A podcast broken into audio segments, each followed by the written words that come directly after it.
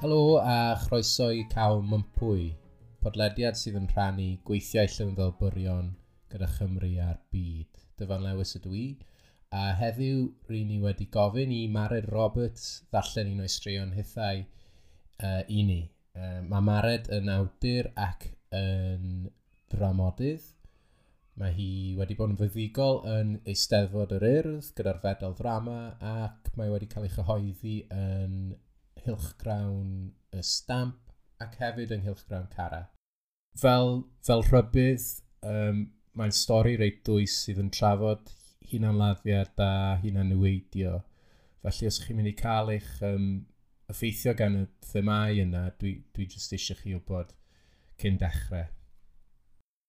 Ond cyn bod ni'n gwrando ar y stori, hoffwn ni, uh, os nad ydych chi'n wedi wneud yn barod, hoffwn ni ofyn i chi fynd ar drydar ac i hoffi neu'n dilyn ni uh, at cael mwmpwy ac anfon neges i ddweud os chi wedi mwynhau neu, um, neu ad, an, anfon adborth ato ni fel bod ni'n gallu gwella hefyd. Falle bod chi'n clywed y gwylanod yn y cefndir, dyna'r plus o um, recordio rhywbeth yn eich stafell fyw. Ie, yeah, heb oedi mhellach felly dyma Mared uh, gyda'i stori hi.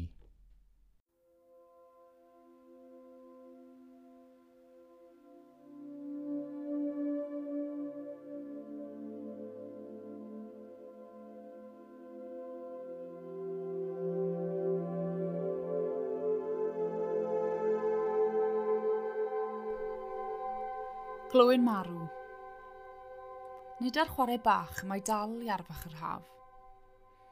Araf deg mae ei chipio hi.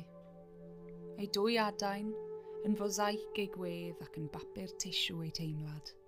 Yn rhiglo rhwng gwyddfyd un funud ac yn seithi ar fympwy'r pellter yn nesaf. Ei ffetalau les yn ei harwain drwy'r hangder ac yn ei thywys at ddiogelwch digyffwrdd. Ond, Unwaith y bydd wedi chwpanu rhwng dy ddwy law. Digon hawdd yw ei sgrensio, a'i rholion belen gyda bachlyd. Ac yna'i chwythio ddi ar un, fel petai ti'n gwneud dymuniad. Dy boer yn rheg ar ei hôl hi, a hithen llyncu'r sarhad. Rwy ti'n rhwbio dy ddwylo i gael gwared ar y bydreddi, Wedi brwydro drwy'r brwyn, rwy ti'n troi dy olygon ti ar môr ac yn cymryd hoi. Gan ymfalchio yn ddo ti dy hun a llygadu llinell feddwr ar fordyr y tu ôl i ti. Braf yw gweld mor bell y gall dy goesau bach dy dywyth. Rwy ti'n cymryd dracht o ddŵr i dorri syched. Tynnu dy fag oddi ar dy gefn a moyn afal, banana a borbons ohono. Dyw bananas ddim yn teithio'n wych ffling i nhw. Rwy ti'n pwyso mesur y ddau ddewis arall, cyn gosod yr afal yn daclus yn ôl yn y boced a rhwygo plastig y borbons nes datgelu mwy na phedair hain ohonynt. Byddi'n cerdded yr arfordir yn aml. Byddi'n mwynhau'r teimlad o fod ar bendra'r tir. Y pwynt o nhw lle mae'r ffiniau'n cyffwrdd ar môr – Byddi'n mwynhau cael cynfas yr awyr taidau yn ffai uwch dy ben, a'r eithyn yn fanila melus yn dy ffroenau. Rwy ti'n llithro dy fawd dros y sgrin ac yn tynnu llun, cyn llithro dy fawd deir gwaith eto i ddewis y ffilter.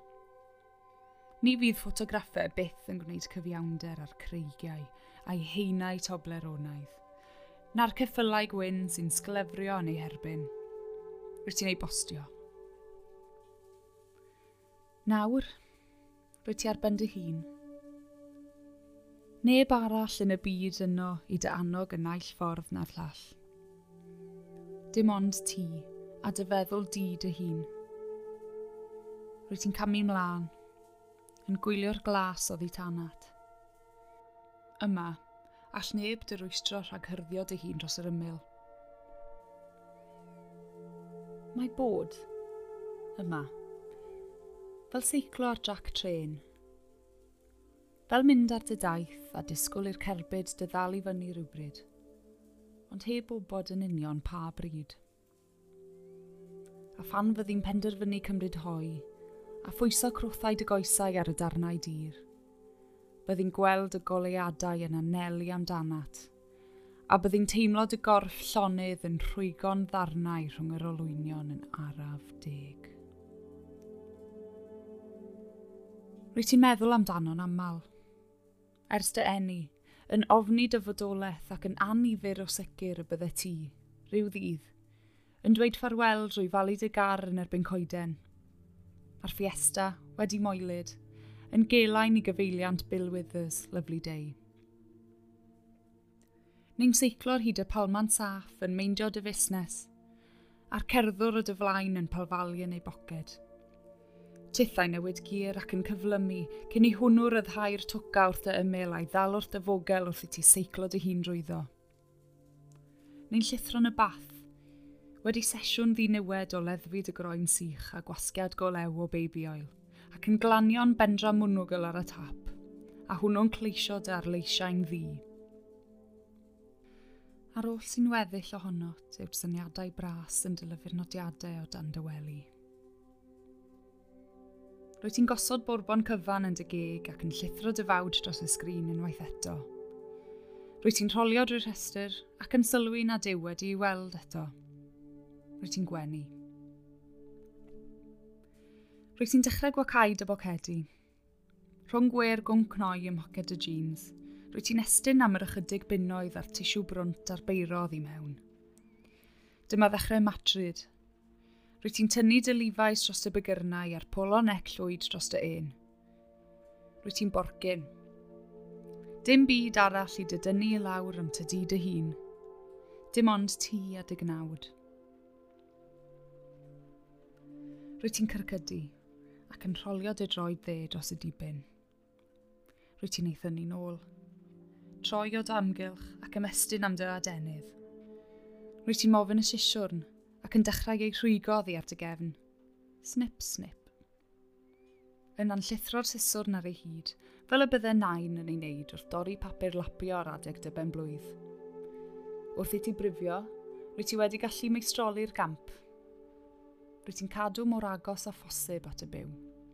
Gosodi dy adenydd wrth ymyl ac edmygu'r crosio cymleth sy'n frith o liwiau o dyflaen. Y ddwy aden yn gymesur a'i gilydd, ond yn wahanol i bob aden arall yn y byd. Dyma ti. Yr hyn a oedd yn dwneud i'n unigryw, bellach wedi datod o ddiwrthyd. Rwy ti'n teimlo'n well yn barod. Wedi ti ddatgysylltu dy hun o ddiwrth yr hyn a oedd yn datgoffa o bopeth sy'n dy gadw ti'n effro gyda'r nos. Y rheini a weiddodd. Mae rheini a chwarddodd. Y rheini a regodd. Nos da rwy ti'n ei sgrensio'n beli rhwng dy ddwy law ac yn gadael iddynt rolio dros y dibyn. Rwy ti'n gwylio'r ddwy bel yn glanio ar y dŵr, yn arnofio fel cyrff ac yn araf ddadfeilio wrth i'r tonnau ei llarpio'n ddim. Rwy ti'n neidio, yn hyrddio dy gnaw dros y dibyn, a'r gwynt yn sychu'r briwiau'n ddwy grachen ar y gefn. Rwy ti'n dechrau gwella, Dylygaid yn soseri wrth wylio'r glas yn araf ddyfnhau o dyflaen. Rwy ti'n cwympo, Dy gorff yn bel mewn gêm o pinball rhwng y creigiau. Rwy ti'n glanio. Dy asennau'n slapio'r wyneb di dostur, a thithen diflannu ymhell i ddwndwr y dyfnderoedd. Rwy ti'n gwrando. Clywed y môr yn orchydd dros y glistiau. Yr hylif hwnnw sydd wedi bod yn dygadw'n fyw erioed, yn dodi ei freichiau o damgylch ac yn dywasgu'n dyn dyn. Rwy ti'n araf godi, yn gwneud y orau glas i beidio ag a thagu ar yr heli hallt.